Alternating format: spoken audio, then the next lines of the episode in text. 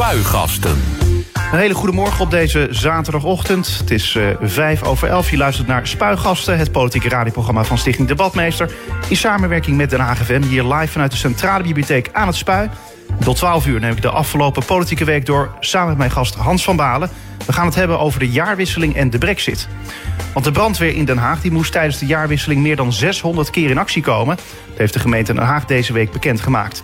Het ging hierbij om meer dan 33 autobranden, vijf meer dan vorig jaar. De politie hield in Den Haag met oud en nieuw 44 mensen aan. De gemeente spreekt over een drukke jaarwisseling zonder grote incidenten.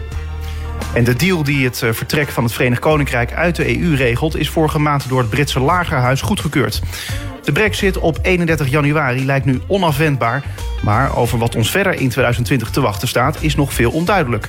Voormalig Europarlementariër Hans van Balen van de VVD... tegenwoordig ook nog partijvoorzitter van de Partij van de Alliantie... van Liberalen en Democraten voor Europa... is de gast in Spuigasten. De Haagse politicus legt uit wat de brexit-deal betekent... voor de economie in Nederland en in Den Haag. Goedemorgen. Goedemorgen. Ja, uh, ik zei net al, uh, voormalig Europarlementariër. Betekent dat dat je het nu dan ook rustig hebt of niet? Nou, dat ligt aan jezelf. Uh, je gaf het al aan, ik ben voorzitter van de Europese Liberalen. Partijvoorzitter. Dat is liefdewerk, oud papier. maar wel belangrijk, ook de samenwerking met de Fransen en noem maar op. en daarnaast adviseer ik bedrijven over hun relaties met met name met Brussel. Wat gebeurt er in Brussel? Uh, dus ik zorg dat het niet uh, rustig wordt. En ik ben uh, ambteloos Haasburger. en dus ik kijk ook wat er in deze stad gebeurt. Ja, en, en hoeveel uur in de week ben je dan nog in die zin actief? Nou, veel. Relatief veel. Dus ik heb niet precies geturfd hoeveel uren. want een heleboel werk zit ook in het buitenland. Ja. dan uh, ben je te gast bij de raad van bestuur van een bedrijf in, ik zeg maar wat, in, Berlijn of in Frankfurt of in Londen. Uh, dan geef je een presentatie over de ontwikkeling in Europa, in de wereld. Uh, en daarvan moet je reizen. dus het is niet rustiger geworden, hoewel ik wel toch vaker bij mijn zoon Robert ben. En hem ook overhoor, huiswerk. wat moeten die kinderen hard werken vandaag de dag. Uh, en ook vaker bij mijn vrouw uh, ben. Hè. Wij wonen aan het Zwelingplein in Den Haag. Uh, maar het is niet echt rustiger geworden. Maar je hebt wel meer controle over wat je doet. Ja, en, en bevalt het in die zin? Ja, ja, en ik vond het ook verstandig om na tien jaar Europees Parlement... tien jaar Tweede Kamer het stokje ook over te dragen in Brussel. Niet nog eens vijf jaar extra te doen... En dat vind ik uiteindelijk een goede keuze geweest. Malik Asmani is mijn opvolger en die doet het heel goed. Ja. Dus, dus, dat is alleen maar prettig. Maar uh, ben je nog wel op zoek naar een, bijvoorbeeld een baan? Ik wil niet zeggen dat je hier moet solliciteren hoor, maar... Kijk, uh, ik doe nu een aantal adviesklussen. Dat is hartstikke leuk om te doen. Uh, maar ik kan zelf beslissen wat ik doe. En dat is een groot goed. maar ik ben niet iemand die stil zit. Uh, ik zal niet solliciteren uh, voor, om burgemeester van Den Haag te worden. Hoewel okay, dan is... een prachtige stad is en een, een, een eervol ambt. Uh, maar er zijn wel andere dingen waar ik in gesprek ben. Nou, door jouw naam gaat in elk geval een streep bij deze... voor het lijstje van burgemeesterschap van Den Haag. Ja. Oké, duidelijk. Uh, we gaan straks verder praten over de jaarwisseling en ook over de brexit. Maar uh, eerst het weekoverzicht. Het politieke weekoverzicht. Maandag 30 december. Een 51-jarige man is op Scheveningen aangehouden... omdat hij twee fotografen van nieuwssite Regio 15 zou hebben mishandeld. De mishandeling vond plaats in de nacht van zondag op maandag in de Duinstraat. Beide slachtoffers raakten gewond. Hans van Balen, heb je dat nieuws een beetje gevolgd? Ben je geschrokken van dit nieuws? Zeker. Uh, journalisten moeten hun werk kunnen doen. Brandweerlieden moeten dat kunnen doen. Uh, hulpverleners, politieagenten, noem maar op. En uh, je hebt toch gezien, en niet alleen in Den Haag... dat rond Oud en Nieuw, maar ook op andere momenten...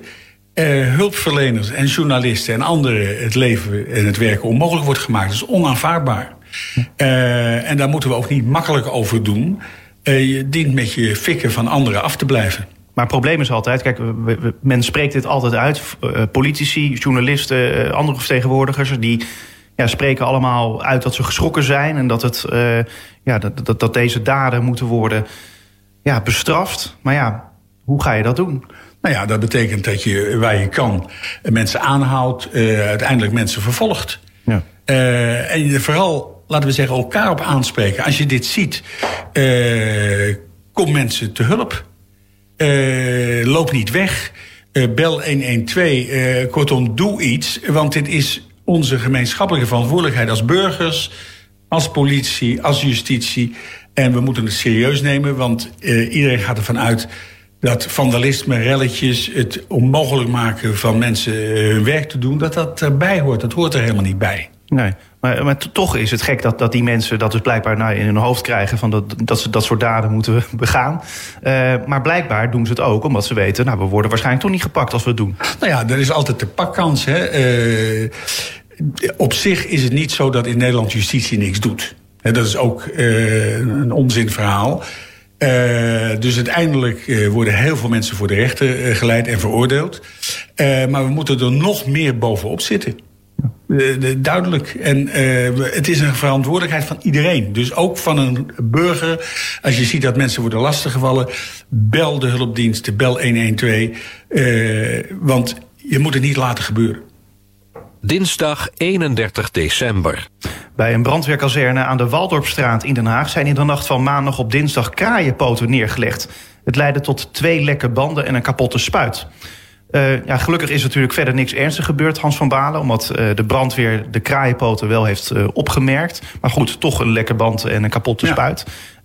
maar dit is wel doelbewust. De, de, hulpdiensten hinderen in hun werk. Ja, je moet je dus voorstellen. Wat is de taak van de brandweer? Het voorkomen van brand, het blussen van brand, het redden van mensen. En je gaat de brandweer daarin hinderen. Dat is gevaarlijk voor de brandweer zelf. Het is gevaarlijk voor potentiële slachtoffers. Dus wat gaat nou in je hoofd om? Kraaienpoten Uh, om te zorgen dat die brandweer niet kan uitdrukken. Uh, ik begrijp daar niets van. En ook hier geldt, net als met betrekking tot die journalisten en tot anderen... Uh, we moeten als burgers van deze stad, als we het zien... moeten we meteen rapporteren. En er moet lik op stuk worden gegeven. kun je het helemaal voorkomen? Dat is altijd lastig, maar je moet alles eraan doen... om het te trachten te voorkomen. En ik snap niet wat in mensen hun hoofd omgaat. En ik hoop als de lieden die dit gedaan hebben gepakt worden uh, dat we er ook achter komen wat gaat in die hoofden om. Ja. Waarom doe je dit? Uh, dit is niet lachen. Dit is ernstig. Maar mensen zien het blijkbaar wel als een soort van kat-en-muisspel tussen de politie en nou ja, die mensen die dus eh, zin hebben om een beetje rotzooi te trappen. Ja, en ik, ik weet dat dat uh, natuurlijk lang uh, bestaat. is een traditie eigenlijk in Den Haag. Ook in Den Haag is dat helaas een traditie uh, die, die ook al in de jaren 50 bestond. maar het is wel steeds erger geworden. En vooral hulpverleners uh, het uh, werken onmogelijk maken. Uh, daar snap ik niks van. En we moeten daar ook niet makkelijk over doen. en wat ik zeg, lik op stuk. aanpakken, straffen. en ook maatschappelijk je afschuw uitspreken. Niemand kan zeggen, dit is, dit is een geintje. en ouders. ook ouders hebben een enorme taak. Dat is niet alleen voor, voor de leraar op school, ook maar ook voor ouders zelf om hun kinderen goed op te voeden. Uh, en ik denk dat dat al een enorm verschil maakt als ouders hun kinderen aanpakken. Ja, maar goed, ze weten toch zelf ook wel dat dit niet normaal is? Ja, maar de vraag is of ouders uh, precies weten wat hun kinderen doen... en of ze gewoon er achteraan zitten. Uh, je kunt ook wegkijken. Hè? Dit is een samenleving geworden. En ik heb het niet alleen over Den Haag, maar in, in een brede waar men wegkijkt. In plaats van te zeggen, dit kan niet, dit is onaanvaardbaar. Uh, kinderen erop aanspreken. Uh, opvoeden is best lastig. Je had het erover, ik ben na uh, tien jaar Brussel ben ik veel meer thuis. en dan merk ik ook, mijn vrouw heeft onze zoon tien jaar lang opgevoed. En dan kwam ik thuis en dan zei ik, nou, dit mag best en dit kan best. en je moet er echt veel aan doen. Uh, het kinderen krijgen uh, het besef niet zomaar mee over wat kan en niet kan. En daar ben je verantwoordelijk voor. En het is te makkelijk om te zeggen dat is aan de politie, aan de leraren. Het is vooral aan de ouders. Woensdag 1 januari. Het nieuwe jaar, het eh, toenemend aantal incidenten op nieuwjaarsnacht... is voor de coalitiepartijen VVD en CDA geen reden om te praten over een verbod op gevaarlijk vuurwerk. Het is een papieren tijger, reageert CDA-Kamerlid Chris van Dam... op de oproep van de politiechef Akerboom... om gevaarlijk vuurwerk uit Nederland te verbannen. Een verbod helpt niet tegen geweld tegen agenten en hulpverleners. Je moet optreden, zegt eh, VVD-Kamerlid Jesiel Gus. Uh, ben jij zelf, Hans van Balen, uh, voor of tegenstander van een vuurwerkverbod? Een algemeen vuurwerkverbod hebben we het dan over, hè? Ja. daar ben ik geen voorstander van. dat je gevaarlijk vuurwerk verbiedt. Volgens mij is dat al het geval. dat, is, dat is duidelijk. maar je moet ook kunnen handhaven. Uh, in Leiden is bijvoorbeeld een deel van de binnenstad, of ik geloof de hele historische binnenstad, is uh, vuurwerkvrij verklaard. Nou, dat kan. Dat kan een gemeenteraad doen. Uh, dus er zijn allerlei middelen. aan de andere kant zeg ik, als uiteindelijk de maatschappelijke kosten steeds toenemen, door het misbruik van vuurwerk en het gebruik van gevaarlijk vuurwerk, moet je niet uitsluiten dat je zegt, we stoppen ermee. alleen, dan moet je gaan handhaven. en dan moet je dat kunnen en willen. Rutme Heerma van de VVD Tweede Kamerfractie heeft gezegd... laten we nou gewoon eens, nog eens een goede discussie intern hebben. Lijkt me heel verstandig. Uh, maar ik ben niet iemand die nu zegt... Uh, laten we maar voor heel Nederland een algemeen vuurwerkverbod afkondigen. Maar deze discussie loopt toch al jaren? Het is niet dat het even dit jaar uh, ja, wat uit de hand loopt hier en daar. Nee, maar er zitten wel grote verschillen. Er zijn steden en gemeenten waar, waar bijna niks fout gaat of niks. geen problemen ontstaan. En er zijn er waar serieuze problemen ontstaan. Nou ja, daar heeft de gemeenteraad ook een rol. De gemeente kan zelf, via zijn algemene politieverordening, bepalen: dit deel van de stad geen vuurwerk. Dus er is veel meer mogelijk dan dat je op een gegeven moment zegt: wij gaan landelijk alles verbieden. Ja. Uh, want dan moet je het ook waar kunnen maken. Uh, en, en nogmaals, uh, we gaan niet allerlei mensen straffen die zich keurig gedragen en die normaal met uh, toegelaten vuurwerk keurig netjes uh, zich uh, gedragen. ik woon in een deel van Den Haag waar mensen zelf ook na het afsteken van vuurwerk de rommel hebben opgeruimd. De gemeente stelde bepaalde vuilnisbakzakken ter, ter beschikking. En er lag de volgende ochtend niks meer. Nee, Zo kan het ook. Er is wel iets afgestoken bij jou in de buurt? Jazeker. uh, alleen daar is niks misgegaan. En mensen hebben hun rommel opgeruimd.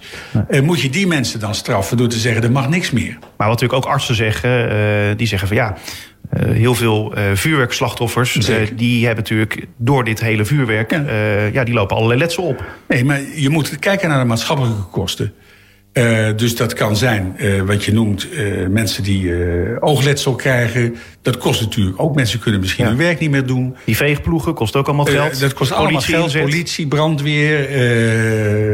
er is veel maatschappelijke schade. heel veel lantaarnpalen knakken niet zomaar om. Uh, vanwege een rotje. De, de, dus dus dat, dat, dat zijn grote maatschappelijke kosten. Als dat de pan uitzegt, dan moet je misschien een algemeen verbod overwegen. Maar begin daar nou niet mee. Handhaaf wat je nu hebt. Laat de gemeente maatwerk leveren. Maar sta open voor een uh, eerlijke discussie. Ja, duidelijk. Donderdag 2 januari. Uh, donderdag 2 januari. De kosten van de gezondheidszorg die stijgen de komende jaren in een tempo dat Nederland niet kan volhouden. Volgens eh, minister van Financiën Wopke Hoekstra is het heel simpel. Deze groei van de kosten van de zorg is op termijn niet houdbaar en niet organiseerbaar, zegt hij in een interview in het AD. Nou, deze noodkreet die horen natuurlijk eh, niet voor het eerst. we hebben het al vaker gehoord.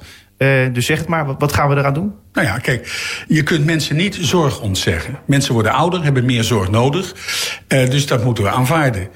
Uh, dat moet beter georganiseerd worden. Minder management, meer handen aan het bed. Het zijn bekende verhalen.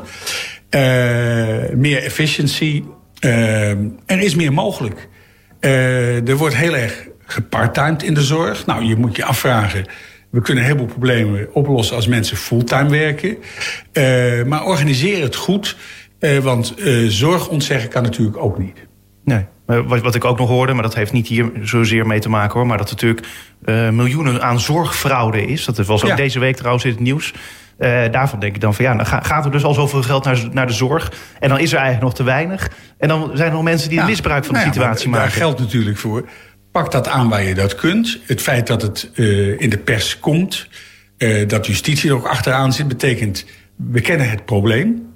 Uh, nu gaat het om aanpakken, maar dat geldt in heel veel sectoren. dat er is een onbeperkte vraag naar zorg en volksgezondheid. in een verouderde samenleving. En da, da, daar moeten we een oplossing voor vinden. Dat kan niet zijn het onthouden van zorg maar het efficiënter op een betere manier mensen zorg bieden.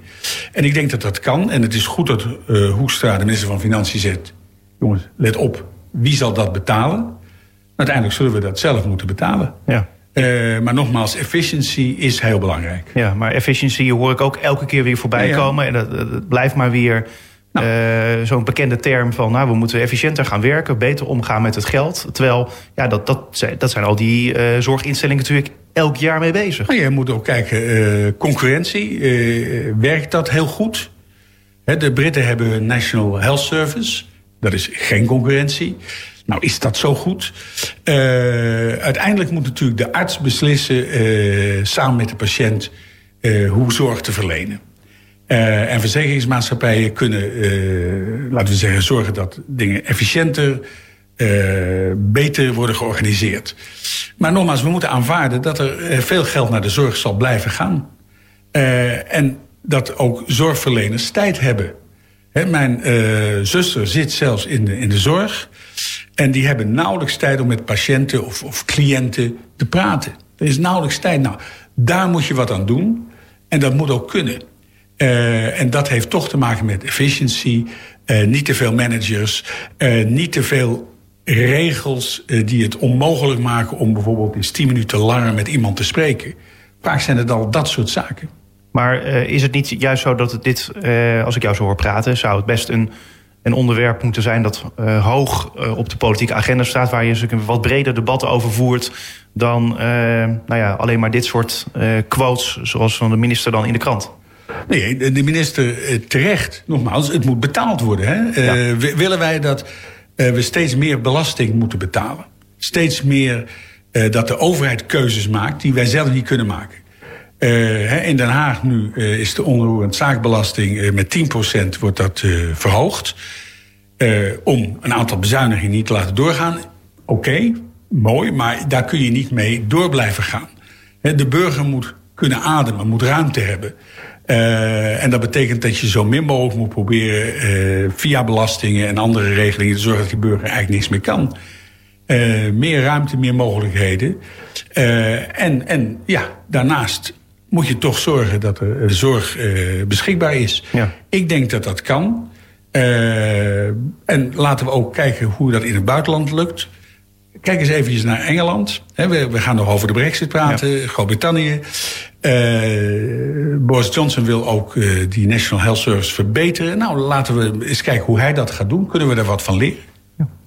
Vrijdag 3 januari. Het Nederlands kabinet is bezorgd over de situatie in de regio na de dood op de hoge Iraanse militair Soleimani. Maar minister Blok van Buitenlandse Zaken zegt, in tegenstelling tot Tweede Kamerleden, in zijn eerste reactie niets over de Amerikaanse aanval in Bagdad, waarbij Soleimani om het leven is gekomen. Ja, de internationale spanningen die stijgen. Ik hoorde al deskundigen spreken over een mogelijke derde wereldoorlog. Weet niet of dat nou al te ver is. Is die situatie nou zo precair? Kijk, ik zie daar uh, niet een gevaar voor een derde wereldoorlog. Eén ding is wel dat Iran een land is wat terrorisme bevordert. In Libanon met Hezbollah, de Hamas in de Gazastrook, uh, allerlei aanslagen, tot en met in Nederland toe. Dus als meneer uh, Soleimani, de commandant van de El-Quds-brigade van de revolutionaire garde, dat is niet een, een vriendelijke meneer. Hij bevordert, of hij heeft het internationaal terrorisme ondersteund. Uh, er is een soort, dat noemde Bush ook zo, de as van het kwaad. Noord-Korea, Venezuela, Iran. Dat zijn allemaal landen die elkaar helpen op een vreselijk kwalijke manier. Uh, dat nu die uh, Soleimani is uitgeschakeld. Nou ja, ik zal er geen traan om laten.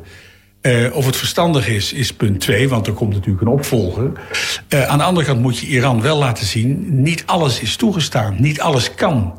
Uh, en dan ga ik toch liever aan de kant van de Amerikanen staan dan aan de kant van Iran. Dat is iets wat minister Blok overigens niet doet. Hè. Die erkent wel degelijk wat Iran eigenlijk doet. het bevorderen van internationaal terrorisme.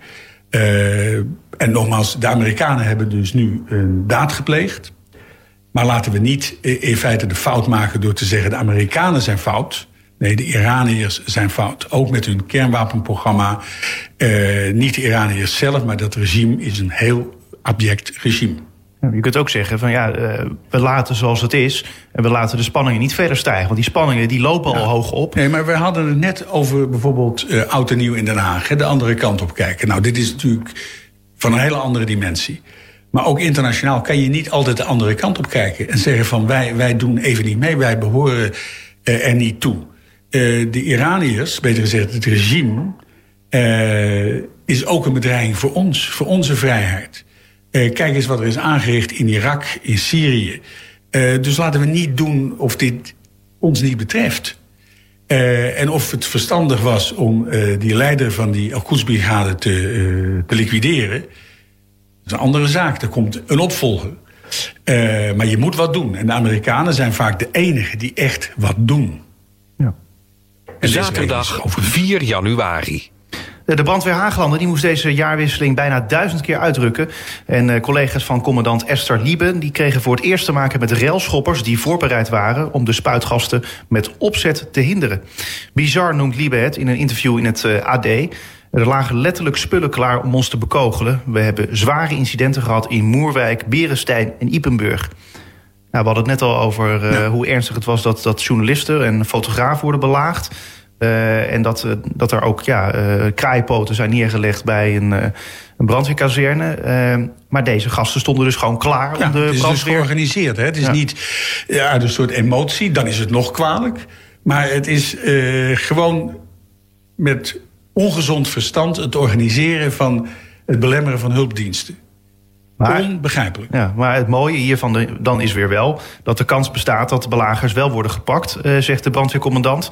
Want de railschop, wat, de, wat de railschoppers niet weten, is dat wij voor het eerst met bodycams hebben gewerkt. Ja. En bovendien filmden we het ook met uh, zogeheten rondom-camera's.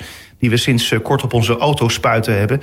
Die geven een overzicht van de situatie waarin we terechtkomen. Ja, dus met andere woorden, je kunt er veel tegen doen.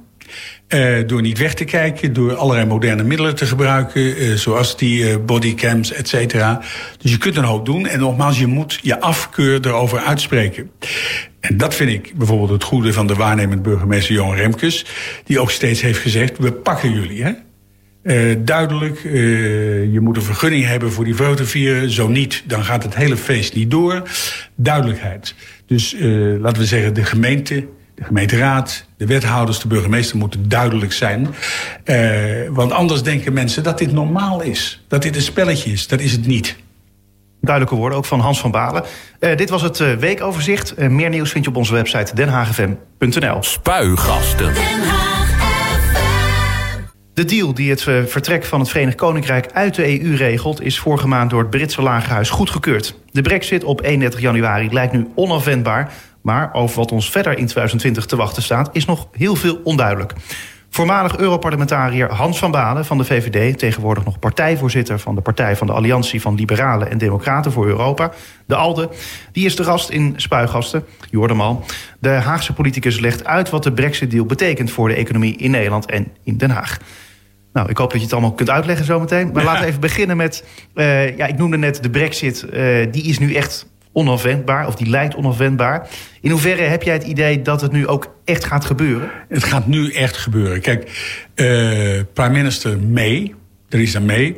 heeft geprobeerd een deal met de Europese Unie... met de 27 landen door het Britse parlement te krijgen... door het Lagerhuis. Dat is niet gelukt. Iedere keer zei Lagerhuis, nee, uh, jouw deal uh, kopen we niet... maar we hebben geen idee hoe het wel moet.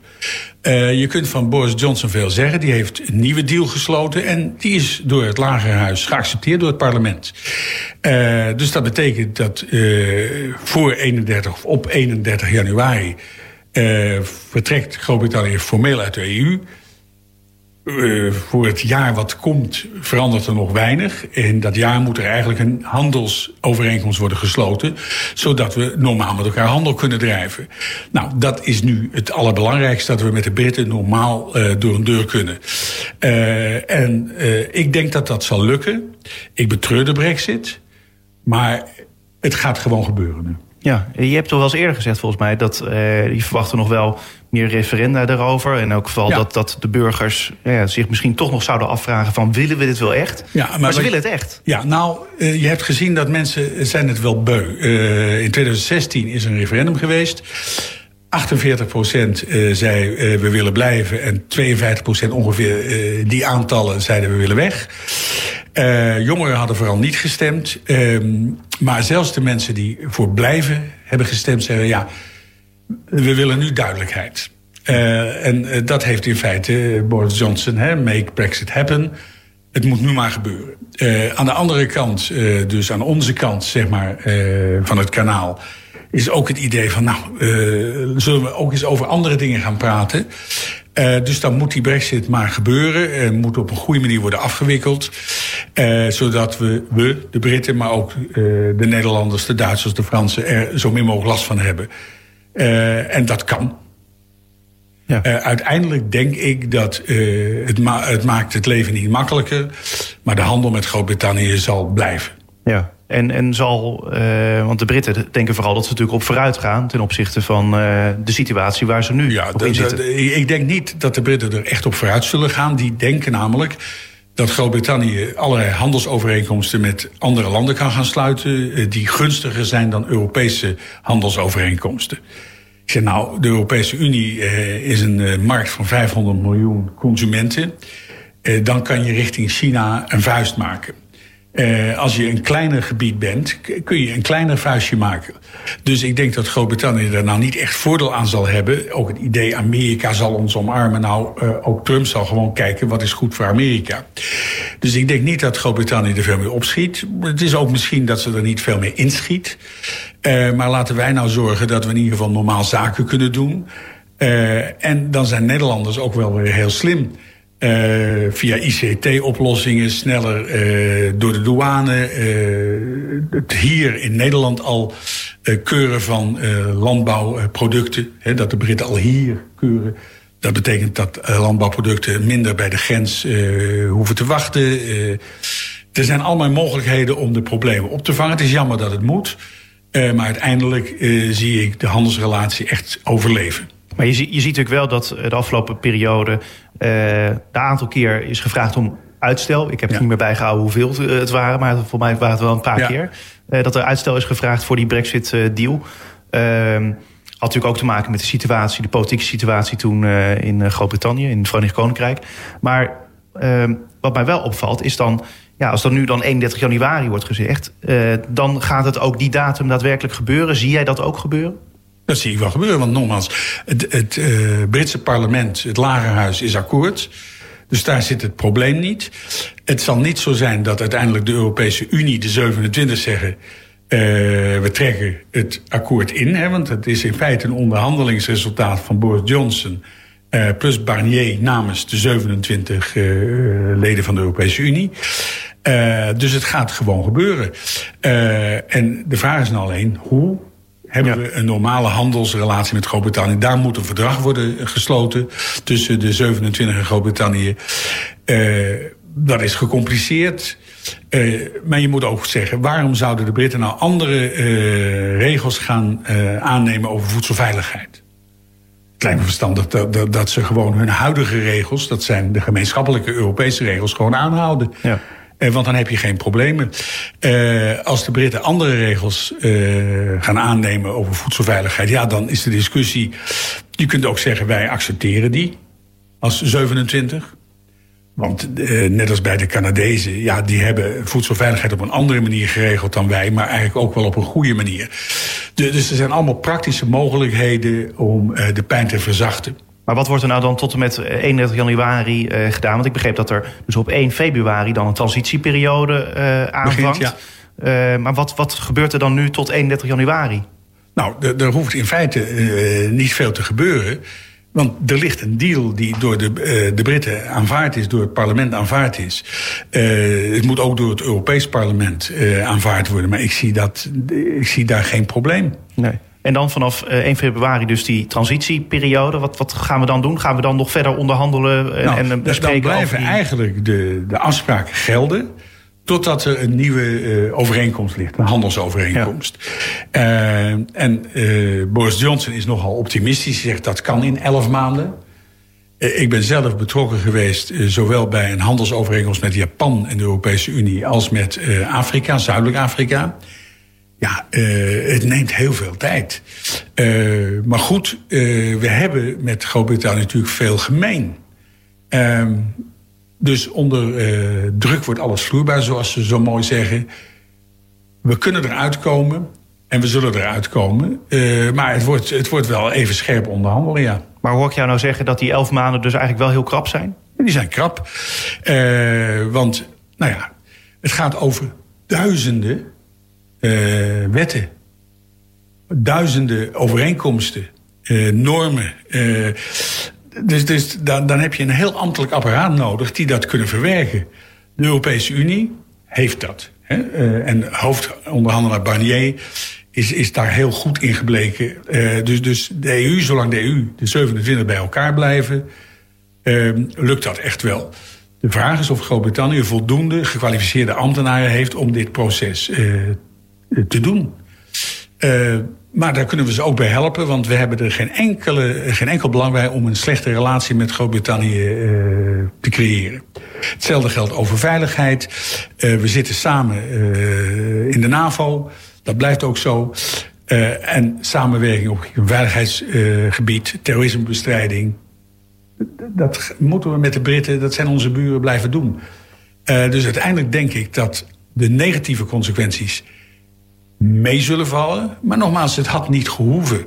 Maar goed, we moeten er nu mee dealen. Ja. Maar je zegt nu van, uh, dat de negatieve consequenties wel mee zullen vallen. Terwijl ik wel eerder heel veel mensen heb gehoord. Volgens mij hoorde ik jou ook wel zeggen daarvoor. Dat je toen de brexit nog niet aan de orde was. Maar toen nou ja, ze wel uit wilden stappen, dat ze dat zeiden. Toen riep iedereen van nou, dit wordt echt een chaos. En uh, dit nou ja, gaat ons heel veel geld kosten. En ook de Britten heel veel geld kosten. Ja, nou ja, kijk. Als al onze landbouwproducten moeten worden gecontroleerd hier in Nederland. Voordat ze naar Groot-Brittannië kunnen worden geëxporteerd. Dat kost tijd. Dat betekent dat landbouwproducten dan minder vers zijn, dus eh, de waarde daalt. Uh, er zijn nu uh, heel veel parkeerterreinen aangelegd. Dat was voordien hadden we nauwelijks die capaciteit. Dus ik vind dat Nederland zich goed heeft voorbereid. En het is ook beter dat je je goed hebt voorbereid. En dat je het misschien niet nodig hebt dan dat je je niet had voorbereid. Nee. maar nogmaals, het is nu eenmaal zoals het is. Ik had graag gezien uh, dat misschien in het tweede referendum de Britten hadden gezegd: we blijven. Ja. Maar de Britse kiezer had daar geen zin meer in. Die zeiden: we willen er nu gewoon uit. Make Brexit happen. Maar mijn vraag was meer: van, ben je eigenlijk een andere mening toegedaan nu het proces eenmaal is ingezet? Nee, want ook toen zei ik: er zijn heel veel onzekerheden. Waarom zou je nou in al die onzekerheden gaan grossieren terwijl die nodig is? En nu zeg ik Brexit will happen. Dus moeten we uh, de negatieve uh, situatie voorkomen, uh, reduceren. dus het is een andere situatie dan een jaar geleden. Meer pragmatisme. Ja, maar dat is in de politiek het beste medicijn. Ja, pragmatisch zijn. Daar kennen we Mark Rutte vooral van, toch? Nou, en die is ook redelijk succesvol. Ja, oh, inmiddels al tien jaar premier trouwens. Ja. Ehm, we, we, hebben natuurlijk al eerder gezien uh, dat er dan uitstel uh, wordt ge, uh, gevraagd. nu wordt er dus geen uitstel meer gevraagd, ga je vanuit. Maar 2021 moet dan eigenlijk die brexit dus afgerond zijn. Dan moeten al die wetten nou ja, allemaal geregeld zijn en ja. al die contracten. Nou ja, kijk, het kan best zijn dat, dat op bepaalde gebieden je er nog niet uit bent. Nee. Is dat erg? Nou, het maakt het lastiger. alleen als er enorm veel druk is, omdat de Britten zien dat het schade uh, oplevert voor hun economie, en wij dat zien, kom je er meestal wel uit. Uh, en dan zeg je, nou, uh, dit gebied, oké, dan zullen we misschien volgend jaar een deal hebben. Ja, dan moet het maar zo. Ja, en Johnson zal het in elk geval ja, als prime minister dan wil willen zorgen dat hij aan het einde van zijn ambtstermijn dit geregeld heeft, toch? De, de, laten we zeggen, in, in het belang van Boris Johnson is ook om dit goed te regelen. Ja. ja. En anders wordt hij erop afgerekend door de kiezer. Ja. Um, de Britten gaan dan, uh, gaan dan dus die transitieperiode uh, in. Uh, in hoeverre volg jij dat dan? Want je bent dan partijvoorzitter van, van de ALDE-partij. in hoeverre blijf je dat dan volgen? je zat natuurlijk eerder er heel dicht tegen het vuur. Hoe, hoe, hoe volg jij dat dan nu? Nou kijk, je hebt de dagelijkse politiek... en dat ligt bij de fractie in het Europees Parlement. De liberale fractie.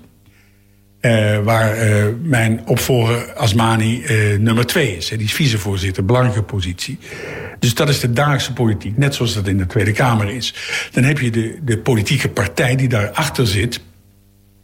maakt verkiezingsprogramma's... die kijkt meer naar de lange termijn. De Britten, de Liberal Democrats, blijven lid bij ons. Dus we houden een band met Groot-Brittannië. Uh, we houden een band, we hebben een band uh, met heel veel partijen in Oost-Europa, Midden-Europa, uh, West-Europa. Dus wat je vooral dan doet is partijen bij elkaar brengen. Zorgen dat er afstemming is, overleg is. ik zit bijvoorbeeld voor de, zeg maar de, de familiebijeenkomst van premiers en de Franse president voor Europese toppen. Nou, dan kun je zeggen, laten we eens even afstemmen. Tuurlijk bellen die mensen elkaar echt wel zonder mij hoor. Maar het is ook wel goed om uh, een aantal uren voordat er uh, wordt vergaderd, besluiten worden genomen, nog eens even bij elkaar te zitten.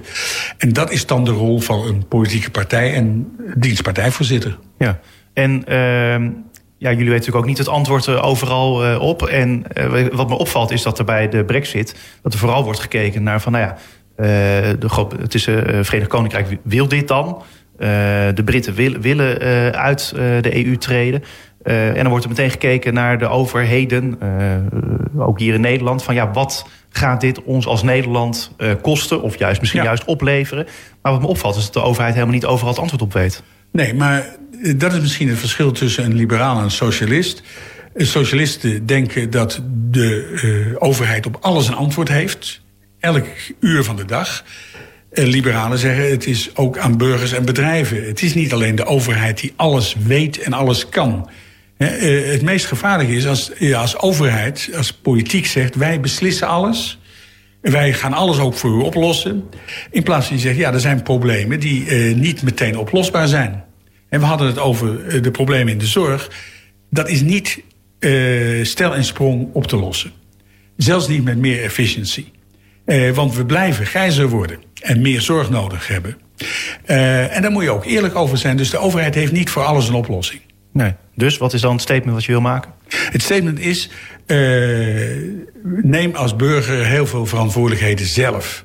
Organiseer je, liefst in politieke partijen. De rol van Tweede Kamerleden, Europarlementariërs, gemeenteraadsleden is belangrijk uh, om de macht goed te controleren. Maar verwacht niet alles van de georganiseerde overheid. de overheid is vaak ook niet in staat om dingen te organiseren. Of het kost te veel geld. Uh, dus de overheid moet zich op zijn kerntaken, uh, laten we zeggen, richten. Ja. En dat is bijvoorbeeld openbare orde en veiligheid. Maar ik snap ook wel heel goed dat er ondernemers zijn of uh, ja, mensen die hier in uh, Nederland wonen, bijvoorbeeld uh, oorspronkelijk Britten, die zich heel erg zorgen maken over ja. wat gaat er nu straks ja. gebeuren en we weten het niet. En nee, dan heeft weet de overheid, overheid weet dan meer dan dat zij weten. afspraken gemaakt dat de rechten van Britse burgers, bijvoorbeeld in Nederland en in Frankrijk, dus in zeg maar in de Europese Unie van de 27, uh, die rechten blijven dezelfde. Uh, Nederlanders die in Groot-Brittannië wonen, uh, houden in principe ook dezelfde rechten. Nou, dat is heel belangrijk en dat is door die onderhandelingen eruit gekomen. Zonder betrokkenheid van de overheden was dat niet gelukt. dus de overheid kan wel een aantal dingen doen, maar dan moet je je concentreren op wat is echt belangrijk. Waar kunnen we verschil maken? Nou, bijvoorbeeld rechten van burgers in andere landen.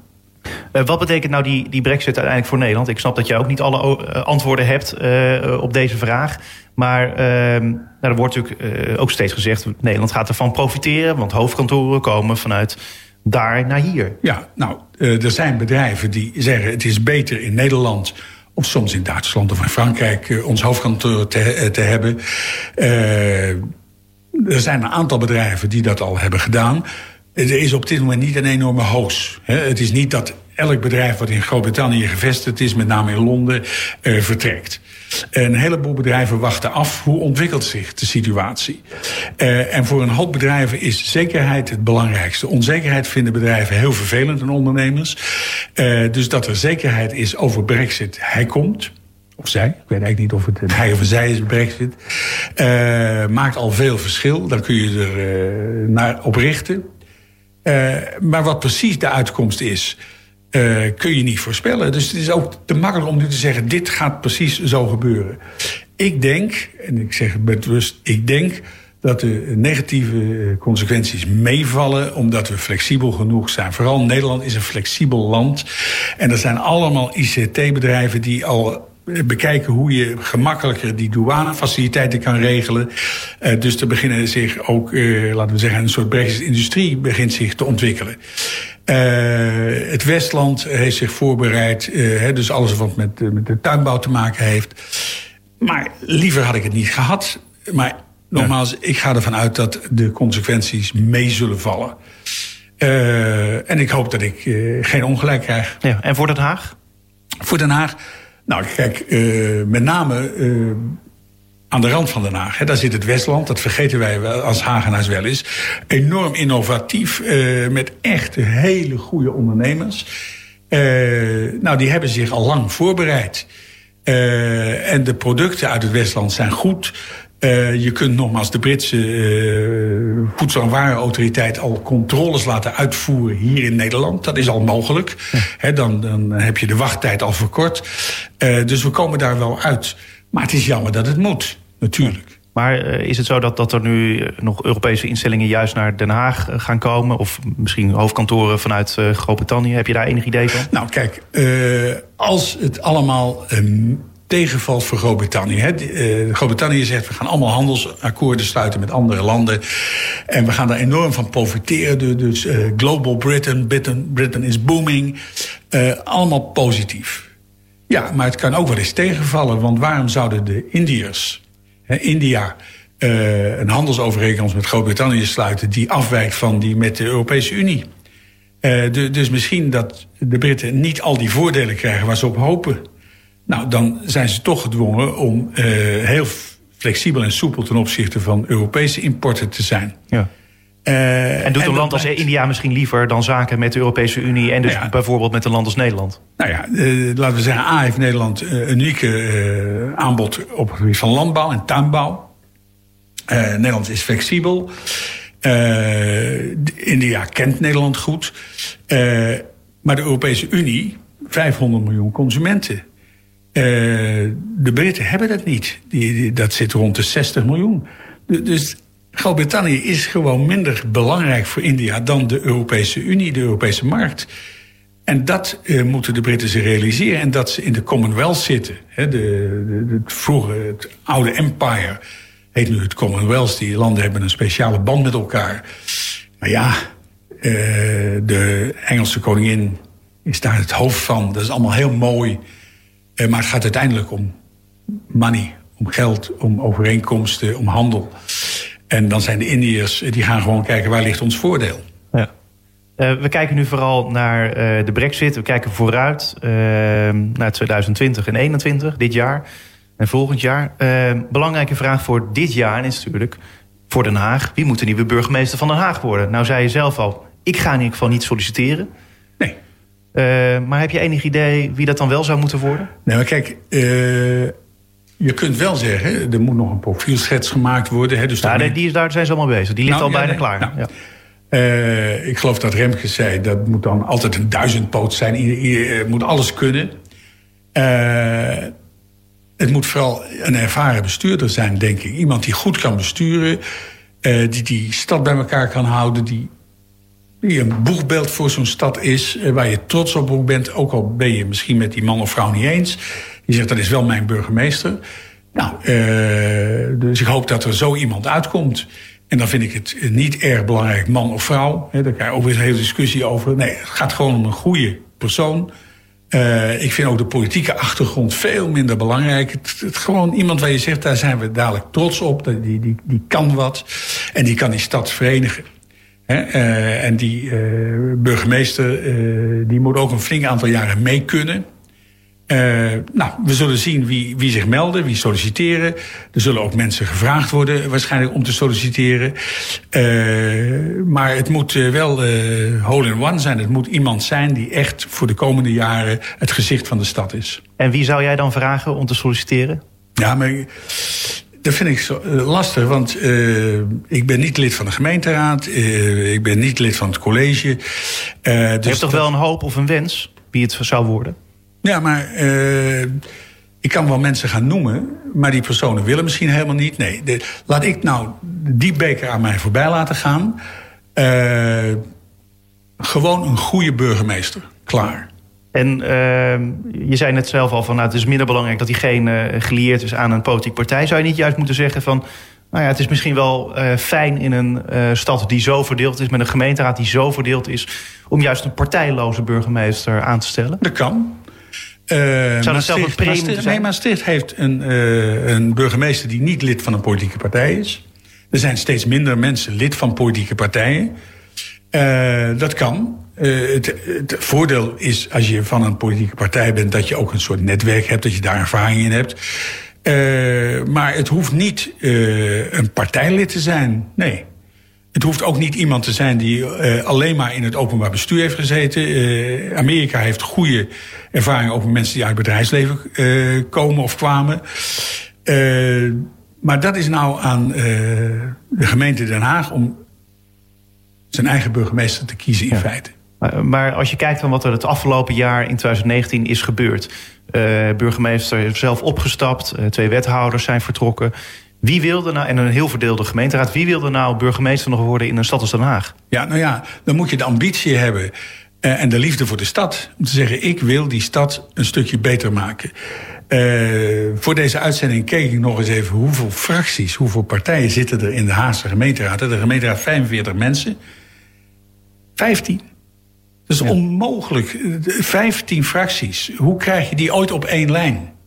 Uh, binnen de gemeenteraad wordt er enorm naar jij of zij gekeken, gewezen. Je bent lid van de gemeenteraad. Dus samen moet je uh, proberen de stad beter te maken, los of je in het college zit of niet. Daar moet veel aan veranderen. Nou, dat kan die burgemeester niet, het kan de burger. Die, die stemt op een gegeven moment. De gemeenteraad kun je ook niet naar huis sturen. Dus we moeten het met de huidige gemeenteraad doen. Met het huidige college, of het nieuwe college wat is samengesteld. En met een dadelijk een nieuwe burgemeester. Uh, het wordt dus niet makkelijk. Uh, dus je moet veel ambitie hebben en je moet van Den Haag houden. Uh, nou, dat laatste is niet zo moeilijk, want dit is een prachtige stad. Ja, um, zou diegene er dan wel al moeten wonen, vind jij? Die hoeft er niet nu te wonen. Logischerwijs gaat die meneer of mevrouw hier wonen. Ja. Uh, maar je moet wat hebben met die stad. Uh, dit is niet een koekjesfabriek. Hè? Ik bedoel, dit, is een stad met Scheveningen, met de zee, uh, met problemen, maar ook met enorme mogelijkheden. De koning woont hier, het parlement zit hier, de regering zit hier, internationale instellingen. de stad is heel belangrijk voor de randgemeente, qua culturele voorzieningen. dus dit is een fantastische stad. en als je van die stad houdt, uh, dan kun je uh, je bijdrage leveren. En de burgemeester kan een hele serieuze bijdrage aan de stad leveren. Uh, en die man of vrouw, die, die zal er komen. Hans van Balen, dankjewel. Graag gedaan. En dit was Spuigasten voor deze week. Ik zou zeggen bedankt voor het luisteren en tot volgende week.